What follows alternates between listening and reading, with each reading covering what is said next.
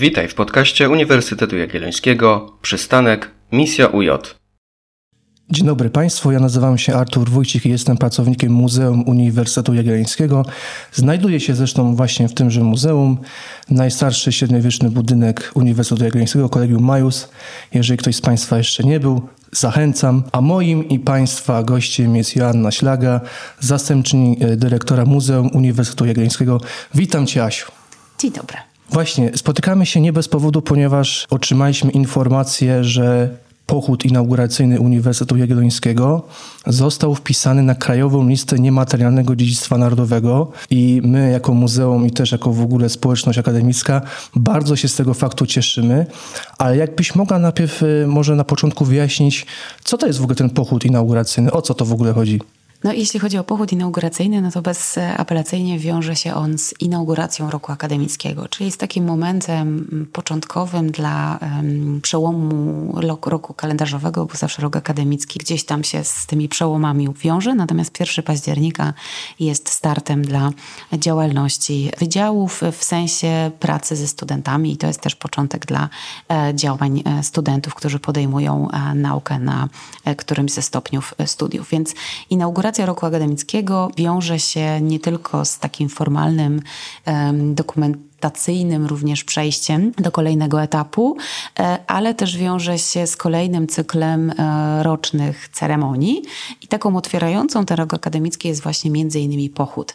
Pochód poprzedza wykład inauguracyjny, e, który jest zawsze takim szczególnym momentem, bo jest i wykładem jakiegoś z wybranych specjalistów w określonej dziedzinie, ale też jest mową magnificencji, która otwiera ten rok i nakreśla zadania, które przed nami stoją. Yy, tak, ale właśnie tak się zastanawiam, czy ten pochód on ma jakieś takie długą tradycję, w sensie na przykład, no wiem, że ponieważ pracuję w muzeum, to wiem, że uniwersytet został założony e, w 1364 roku i to tak od początku było? To jest taka długa tradycja, że, że już to sięga średniowiecza, ten, ten pochód? Czy to było troszkę później? Jak, jak to wygląda? Ten pochód, który mm, widujemy każdego roku 1 października, przynajmniej w ostatnich e, dziesięcioleciach, ma tradycję w tej formule takiej inaugurującej rok akademicki, ma tradycję mm, sięgającą końca XIX wieku, bo wtedy mm, odbył się pierwszy, dokładnie w 1886 roku. To jest pochód, który mm, no, jest takim przejściem um, uroczystym bardzo um, reprezentacji profesorów uniwersytetu i no, będziemy pewnie za moment mówić o szczegółach tego, tego układu, orszaku i tak. Natomiast y, pomimo tego, że e, nie jest to formuła, która towarzyszy uniwersytetowi od samych początków, to trzeba pamiętać, że uniwersytet podobny rodzaj e, takiego przechadzania się gdzieś tam praktykował. Mianowicie e, były sytuacje, w których na przykład uroczyście przemieszczano się pomiędzy określonymi kolegiami czy kolegium jakimś innym miejscem w Krakowie e, w związku z rozpoczęciem jakiejś działalności. Na przykład no, wspomina się, chociaż tutaj jest jeszcze kwestia pewnego znaku zapytania, na ile, na jaką skalę miało to zdarzenie miejsce rok 1400, że właśnie właśnie i profesorowie w towarzystwie osób z dworu królewskiego i być może samego króla e, Jagiełły e, przewędrowali do Kolegium Majus, czyli do nowego budynku uniwersytetu, pierwszego właściwie, tej pierwszej kamienicy, która dała początek dzisiejszemu kolegium. Natomiast też uczelnia jako uczelnia do końca XVIII wieku, będąca uczelnią powiązaną z kościołem, gdzie pewne zwyczaje tradycje, a nawet sposób funkcjonowania w kolegiach był bliski i klasztornemu, i takiemu właśnie e, kościoł, kościelnym obrządkom, e, no to takie elementy pochodu, czy też takich procesji były widziane. One były organizowane przede wszystkim przy okazji różnych wydarzeń e, istotnych dla uniwersytetu, ale miały też wtedy troszeczkę inną oprawę. Tak, to może przejdźmy do współczesności i właśnie jak dzisiaj wygląda ta organizacja tego pochodu, w sensie, bo, bo rozumiem, jakoś tak sobie to wyobrażam, że to rozumiem, że to się formuje, prawda, jakaś, jakiś taki właśnie orszak, procesja wręcz. I właśnie jak to, jak to dzisiaj wygląda, w sensie kto w ogóle to organizuje, nie wiem, rektor, jak, jak to właśnie wygląda? Właściwie mm, inicjuje każdorazowo, rokrocznie mm, rektor uniwersytetu. Magnificencja też wskazuje, e, dokładnie ustala z zespołami osób organizujących e, ten pochód i sam orszak ustala którzy profesorowie, w sensie jaka liczba profesorów bierze udział w, w pochodzie i zaproszenia są wystosowywane do poszczególnych wydziałów. W pochodzie biorą udział profesorowie, doktorzy habilitowani, profesorowie zwyczajni, reprezentujący każdy z wydziałów. Tych wydziałów obecnie jest 16 musi być ta liczba w jakimś stopniu ograniczona z uwagi na fakt lokalizacji, w których się pochód odbywa, a zwłaszcza w której jest inicjowany, a jest tą lokalizacją e, siedziba muzeum, czyli Kolegium Majus. E, profesorowie danego wydziału rekomendowani do tego, żeby wzięli udział w pochodzie, oczywiście muszą być ubrani stosownie do tego dnia, czyli w togi, e, które zawierają takie elementy charakterystyczne dla reprezentujące czy odnoszące odnoszące się symbolicznie do, e, do wydziału.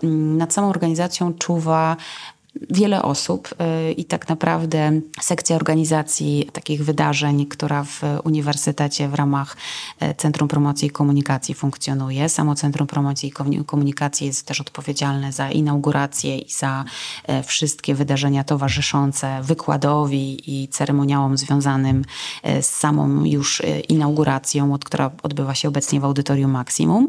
Również bierze udział w organizacji pochodu, zwłaszcza na tym etapie pierwszym, Muzeum Uniwersytetu Uniwersytetu Jagiellońskiego. I tutaj pracownicy przejmują wespół w zespół z innymi pracownikami uniwersytetu, formowanie pochodu i też e, to zabezpieczenie tego, tego pierwszego etapu, e, czyli uruchomienie i wypuszczenie profesorów dziekanów, rektorów e, z Kolegium Majus, e, żeby ten pochód mógł rzeczywiście ruszyć i mógł przejść przez poszczególne wytyczone, wytyczone trasy Krakowa. No właśnie, bo on wychodzi z Kolegium Majus i teraz jaka jest dokładna ta trasa? Bo, bo, to, bo to tak, żebyśmy sobie jakoś wyobrazili, że czy to ma jakąś specjalną oprawę, na przykład, no nie wiem, że jest ustalona stała trasa, że idziemy w ten sposób, czy jak to właśnie tak, wygląda? Ta trasa się modelowała, bo y, oczywiście w latach wcześniejszych pochód y, był krótki, krótsze zdecydowanie, mniej osób w nim brało udział, co, co wiadome, bo przecież uniwersytet dzisiaj jest bardzo rozbudowany, chociażby w ilości e, wydziałów. E, natomiast o tym obecnym, e, o którym mówimy, trasa jego mm, jest wyznaczona od lat i niezmienna, o pewnych zmiennościach takich wynikających spoza naszych możliwości w ogóle działania. Za chwilę powiem. Wędrujemy z Kolegium Majus przez ulicę Świętej Anny, fragment plan aby pojawić się pod Kolegium Nowum i Dębem Wolności. To jest bardzo istotny moment, ponieważ pod Dębem Wolności składane są kwiaty i oddawana pamięć osobom, które no, bardzo dużo poświęciły dla dobra uniwersytetu i jego bezpieczeństwa. No ale to też jest takie oddanie czci poprzednim pokoleniom. Następnie y, ulicą Piłsudskiego, Wenecją wędrują profesorowie do gmachu Audytorium Maximum i tam już też jest cała koordynacja i układ y, wejść, którymi podążają profesorowie i dołączają do już obecnych tam gości, bo niestety nie wszyscy, którzy biorą udział w wykładzie, mogą brać udział w, samym, w samej tej części pierwszej pochodu. Natomiast y, oczywiście na trasie widoczne są osoby, które e, w jakimś stopniu się właśnie angażują też w ten pochód od strony widzów, e, wspierających, pozdrawiających, czy na przykład dołączają już idą gdzieś tam z tyłu za profesorami, żeby śledzić tę ich trasę w tym fragmencie Krakowa, który został wspomniany. No właśnie, wspomniałeś, że mamy 16 wydziałów i to rzeczywiście rzeczywiście się tak wydaje, że to jest spore takie wyzwanie logistyczne, ale czy właśnie te wydziały są w jakiś sposób, nie wiem, chronologicznie ustawiane, w jakiś, jest jakiś też, y, nie wiem, protokół, jak należy ustawiać te, te wydziały? Tak, mamy nawet taki już e, zalążek swoistego protokołu, bo powstaje taki regulamin różnych ceremonii w uniwersytecie organizowanych i tutaj ta tradycja dotycząca samego ustawiania jest jakby przekazywana nam z pokolenia na pokolenie i od mistrza do mistrza ceremonii, e, jeśli tak mogę powiedzieć. E, zawsze układ jest rzeczywiście ten wiekowy, to znaczy idzie w pierwszej kolejności pierwszy wydział, czyli przedstawiciele tego e, najmłodszego, przepraszam, wydziału. Natomiast kończy wydział najstarszy. Tym najstarszym z wydziałów jest Wydział Prawa, a za jego reprezentacją wędrują prorektorzy i rektor uniwersytetu. Czyli ta kolejność jest rzeczywiście kolejnością kolejnością powstawania wydziałów. A właśnie, czy na przykład studenci mogą też wziąć udział w tym pochodzie? Oczywiście tak, tylko nie w samym orszaku profesorskim. E, natomiast studenci dołączają przede wszystkim na trasie w różny sposób i przez różne aktywności. Natomiast to, co jest najpiękniejszym z elementów, e, zwłaszcza w obrębie Kolegium Majus, e, to jest zapewne obecność studentów i Bractwa Czapkowego na dziedzińcu Kolegium Majus. Oni zawsze wyczekują, oczywiście też ubrani w czapki i w momencie, kiedy mm, magnificencja schodzi schodami profesorskimi do wyjścia w ulicę mm, Świętej Anny, e, śpiewają Gaudamus Igitur. Więc to jest e, ten element uczestnictwa i taki element też tradycji, który e, został przez studentów wkomponowany w tą naszą mm, ceremonię. My nigdy z punktu widzenia muzeum, które tutaj nad tą częścią czuwa, nie umawiamy się z nimi. Oni naturalnie z poczucia swojej misji i obowiązku, po prostu tutaj w określonym czasie, ale zawsze na czas są. Tak, ale właśnie y, rozumiem, że jest ten orszak i ci profesorowie na przykład są jakoś specjalnie, nie wiem, ubrani, bo tak zauważyłem, że nie są ubrani takie specjalne uniformy, że tak się wyrażę, takie właśnie togi. I o co to chodzi? E, tak, to jest rzeczywiście strój, który już y, przysługuje z, y, w momencie uzyskania odpowiedniego tytułu. Zresztą w dziejach uniwersytetu i tradycjach i w tych ceremoniach ceremoniałach są również takie, które nawiązują do właśnie zdobywania kolejnego stopnia naukowego i to w przeszłości też obrazowało się różnymi symbolami, a to biretem, czyli czapką, a to rękawiczkami. Toga oczywiście to też jest strój, który no, przysługuje już dzisiaj tylko i wyłącznie e, profesorowi. Oczywiście pojawiają się na przykład e, też e, ubrani w togi, nie wiem, doktorzy, którzy odbierają swój tytuł, ale to jest tylko ten moment ceremonii. Natomiast Natomiast, e, natomiast te toki, o których mówimy, które są używane 1 października czy w ramach innych ceremonii, to są toki profesorów i one co do zasady są czarne, natomiast ich e, mankiety rękawów i mucety, czyli te peleryny, które spoczywają na ramionach, e, są aksamitne i reprezentują wydział poprzez przypisaną mu barwę. I tak na przykład chociażby najstarszy wydział ma czarny y, kolor mucetu. Jeśli chodzi o wydział medyczny, to jest, y, no i tutaj pewnie będziemy się zastanawiać, y, jaki to jest kolor, czy to jest czerwony, burdowy, czy jak to kiedyś mówiono, pąsowy. To jest oczywiście na dłuższą inną już rozmowę na temat ubioru, zmiany tych strojów i, i też nomenklatury, którą stosowano. Natomiast na przykład Wydział Chemii ma kolor żółty, Wydział Filozofii popielaty, szary bądź srebrny, bo e, myślę, że możemy tak ten kolor e, nazwać. I jest ta cała gama kolorów, albo indywidualnie ten kolor występuje, albo jest to kolor z jakąś dodatkową oblamówką, tak jak w przypadku Wydziału Farmacji, czy na przykład w przypadku e, filologii. To wynika z faktu, skąd wydział wystąpił, tak? czyli kto był jego poprzednikiem, więc takie e, gdzieś przewiązki, te kolorystyczne e, nawiązują do, e, do poprzednika, czy do, do pierwszego miejsca, gdzie ta dziedzina, dyscyplina była ulokowana.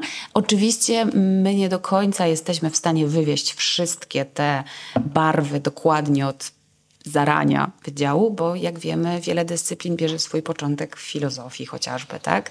Tu oczywiście musimy jakby szerzej e, patrzeć na to i e, natomiast w detalach, no to już jest na pewno kwestia innej dyskusji i, i wielu dyscyplin poniekąd, bo, bo dotyczy e, ta sprawa tej symboliki wielu tak naprawdę obszarów tematycznych. Y, tak, ale muszę jeszcze zapytać, ponieważ ja studiowałem historię na Wydziale Historycznym, to żebym wiedział na przyszłość, jak będę obserwował pochód, to żebym wiedział, którzy to są moi, to jaki, jaką mają barwę?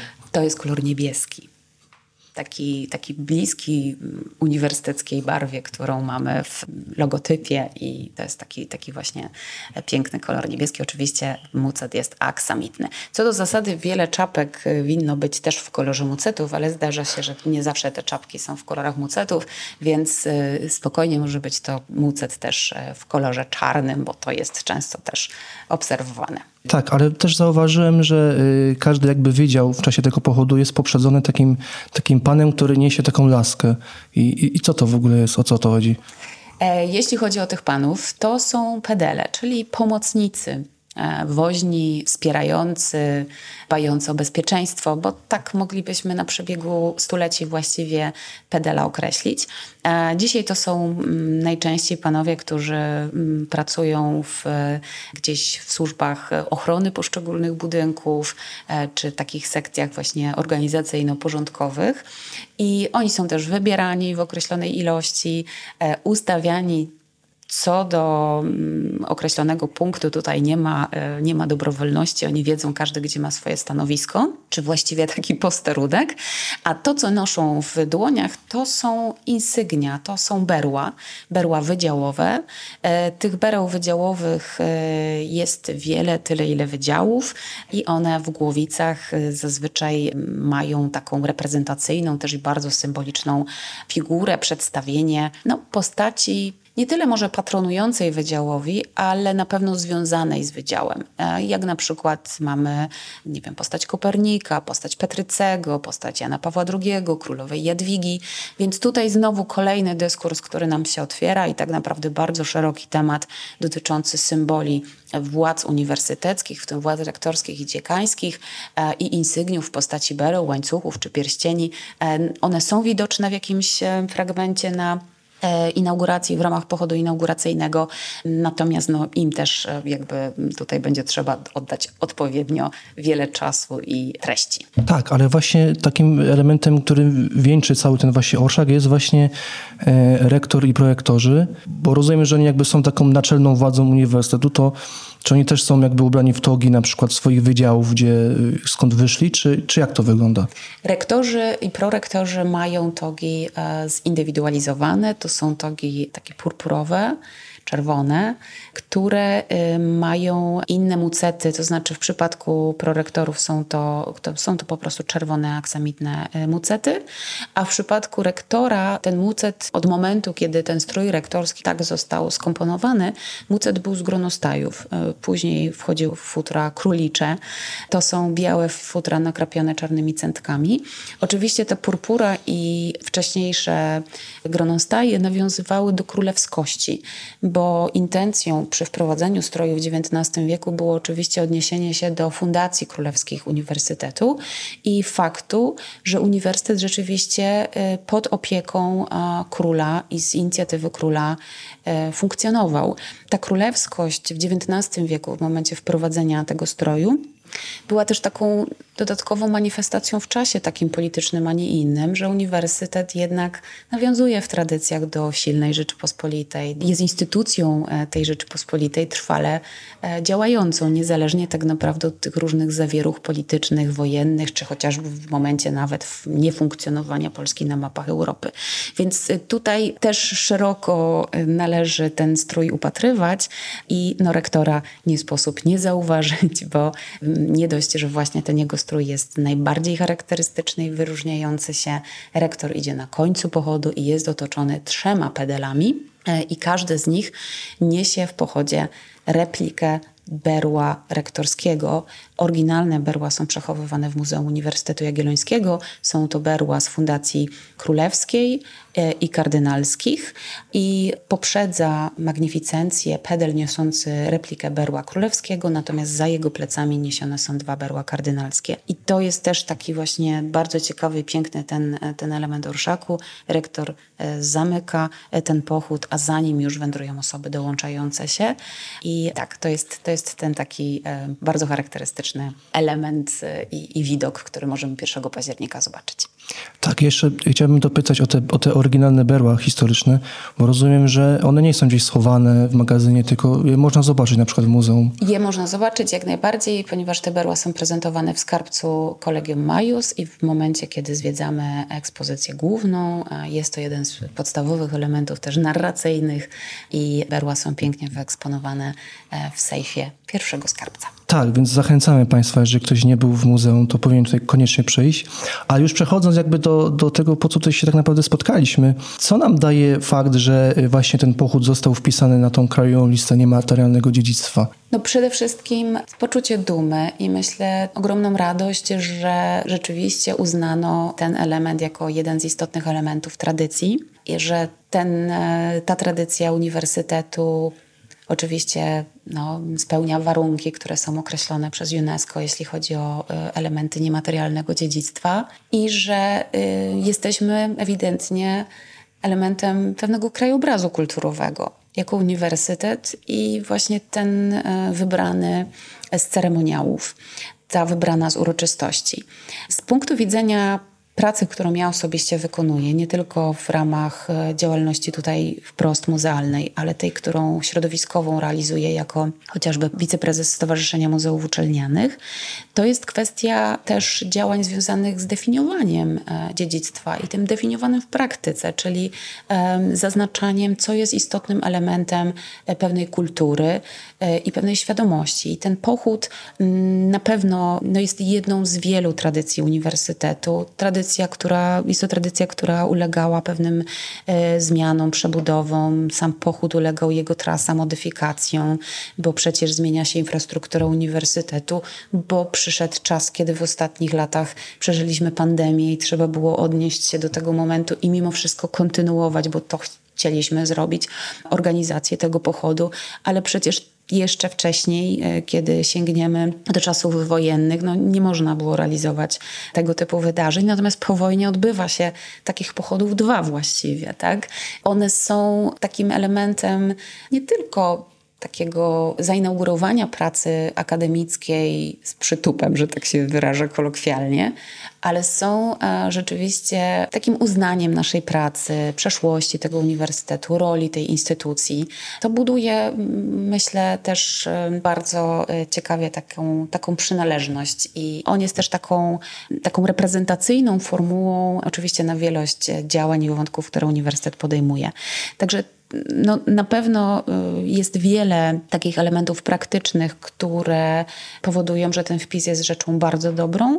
Pozwoli nam oczywiście szerzej e, zająć się poszczególnymi wątkami, ale też y, pozwoli nam e, dalej i intensywniej rozmawiać o e, dziedzictwie kulturowym, dziedzictwie nauki, dziedzictwie materialnym i niematerialnym, w którego zachowanie i w którego kształtowanie wpisuje się bardzo mocno i wkomponowuje Uniwersytet Jagielloński i jego społeczność. Y, tak, ale też się zastanawiam, ponieważ tak może trochę patrząc y, szerzej, no przede wszystkim y, możemy zaobserwować fakt, że jednak y, obecnie ludzie częściej jakby e, wracają gdzieś do swojej korzeni tej chłopskiej, tak? No, no jest taki słynny zwrot ludowy, prawda? No mamy dużo publikacji, dużo się o tym mówi. I czy nie obawia się, że jednak y, pojawią się takie głosy, że jednak no, ktoś uzna, że to jest jakiś przejaw, no nie wiem, czegoś rodzaju, nie wiem, burżuazji, elity, prawda? Czy to, czy to ma jakieś, jakieś tutaj, tutaj dla nas znaczenie, czy raczej to jest czysto publicystyczne pytanie. Oczywiście, że może wywołać tego rodzaju spostrzeżenia czy emocje. To y, siłą rzeczy jak każde ze zjawisk, które obserwujemy w codziennym życiu, czy w tradycjach, czy kulturze. No, siłą rzeczy uniwersytet, jego profesorowie zawsze byli traktowani jako elita, elita intelektualna. I tu nie można mieć za złe, mm, że ktoś podejmuje się wyzwania i e, rozwija się i podejmuje się odpowiedzialności, która wiąże się z pracą naukową. Bo przecież bycie profesorem danej dyscypliny to nie jest tylko i wyłącznie wybór siebie i swojej kariery. To jest bardzo dużo poświęceń, ale to jest też ogrom odpowiedzialności. I także przyjęcie takiej roli osoby, która ma wpływać na określone e, działania, więc e, no, celebracja tych właściwości i, i, takich osiągnięć myślę, że nie jest złym zjawiskiem, bo, no bo my czerpiemy też e, przecież z dobrodziejstw e, wypracowanych przez tę grupę, elitę intelektualną, jak to się zwykło zazwyczaj też środowisko akademickie określać. Natomiast co do powiązania z tym nurtem ludowym, o którym mówisz, no też uniwersytet otwarty był na różne środowiska i pamiętamy, że z kolei były lata, niezależnie czy to były lata takiego systemu, a nie innego, gdzie pochodzenie to ludowe e, też miało tyle znaczenie, że te osoby były przyjmowane, ponieważ pozyskiwały określone punkty za przyjęcie do grona y, uniwersyteckiego. Jeśli ktoś y, zrealizował się w karierze naukowej, no to był często taką dumą dla, dla środowiska, z którego się wywiódł a że to wywołuje czasami też skrajne emocje negacji i traktowania tylko właśnie takich wydarzeń i takich e, zjawisk jako, jako przejaw, e, nie wiem, zbyt e, nieskromny i, i nieadekwatny, no tutaj powinniśmy, myślę, troszeczkę stonować swoje, swoje emocje w tym zakresie, bo też w tym pochodzie i samym stroju nie jest nic negatywnego. Ta celebracja jest y, celebracją wspólnoty, bycia w mieście, współrealizowania wielu inicjatyw z otoczeniem. I to jest też takie poczucie dumy, że oto wspólnie razem osiągamy jakiś efekt, a przecież też ci profesorowie nie celebrują tego tylko i wyłącznie w zamkniętych murach, tak? tylko właśnie idą e, przez miasto, żeby tak naprawdę chwalić dorobek naukowy e, i kulturowy ogólnie dla nas ważny. Więc o ile przypuszczam, że może czasami wywoływać takie, takie reakcje, albo stać się taka przestrzeń i to zjawisko, jakim jest właśnie ceremonialne inaugurowanie roku, może stać się przestrzenią, w której ktoś będzie chciał wyartykułować swoje negatywne nastawienia. To niestety też się oczywiście w dzisiejszym świecie dzieje. No to tak też chyba to takie prawidła są, e, że, że, że rzeczywiście wydaje się że niektórym, że, że to są momenty e, najlepsze dla wyartykułowania pewnych kwestii. Natomiast no jednak upatrywałabym w tym czegoś bardzo pozytywnego dla nas wszystkich, tego, że e, no, społeczeństwo jest różne, tak? I są różne role, są różne role w, ramach instytucji, są różne role społeczne. Każdy z nas jakiejś tej roli się podejmuje, a tutaj ci profesorowie, tak jak mówię, podejmują ją, ale też biorą za to ogromną odpowiedzialność i oddają wiele, wiele swojego czasu, e, emocji i, i, i, życia temu, żeby tworzyć jakieś wspólne dobro, chociaż e, nie zawsze jest to zapewne łatwe. Tak, Asiu, czyli co? Najbliższy pochód inauguracyjny 1 października? Najbliższy pochód inauguracyjny 1 października, natomiast e, musimy też pamiętać, że te elementy takiego ceremoniału, który mm, orszakowi inauguracyjnemu towarzyszy, czy te elementy pochodowe możemy zobaczyć też w jakimś innym czasie w roku, natomiast troszeczkę w innej organizacji i w innych okolicznościach, także w innej dacie niż ten 1 października, dlatego że e, no, uniwersytet bardzo mocno stara się o tradycje swoje dbać. Tak, ale jeżeli ktoś chciałby koniecznie zobaczyć ten pochód, no to myślę, że jest troszkę czasu, żeby to sobie e, zaplanować. Bardzo Ci dziękuję, Asiu, za rozmowę. Dziękuję bardzo.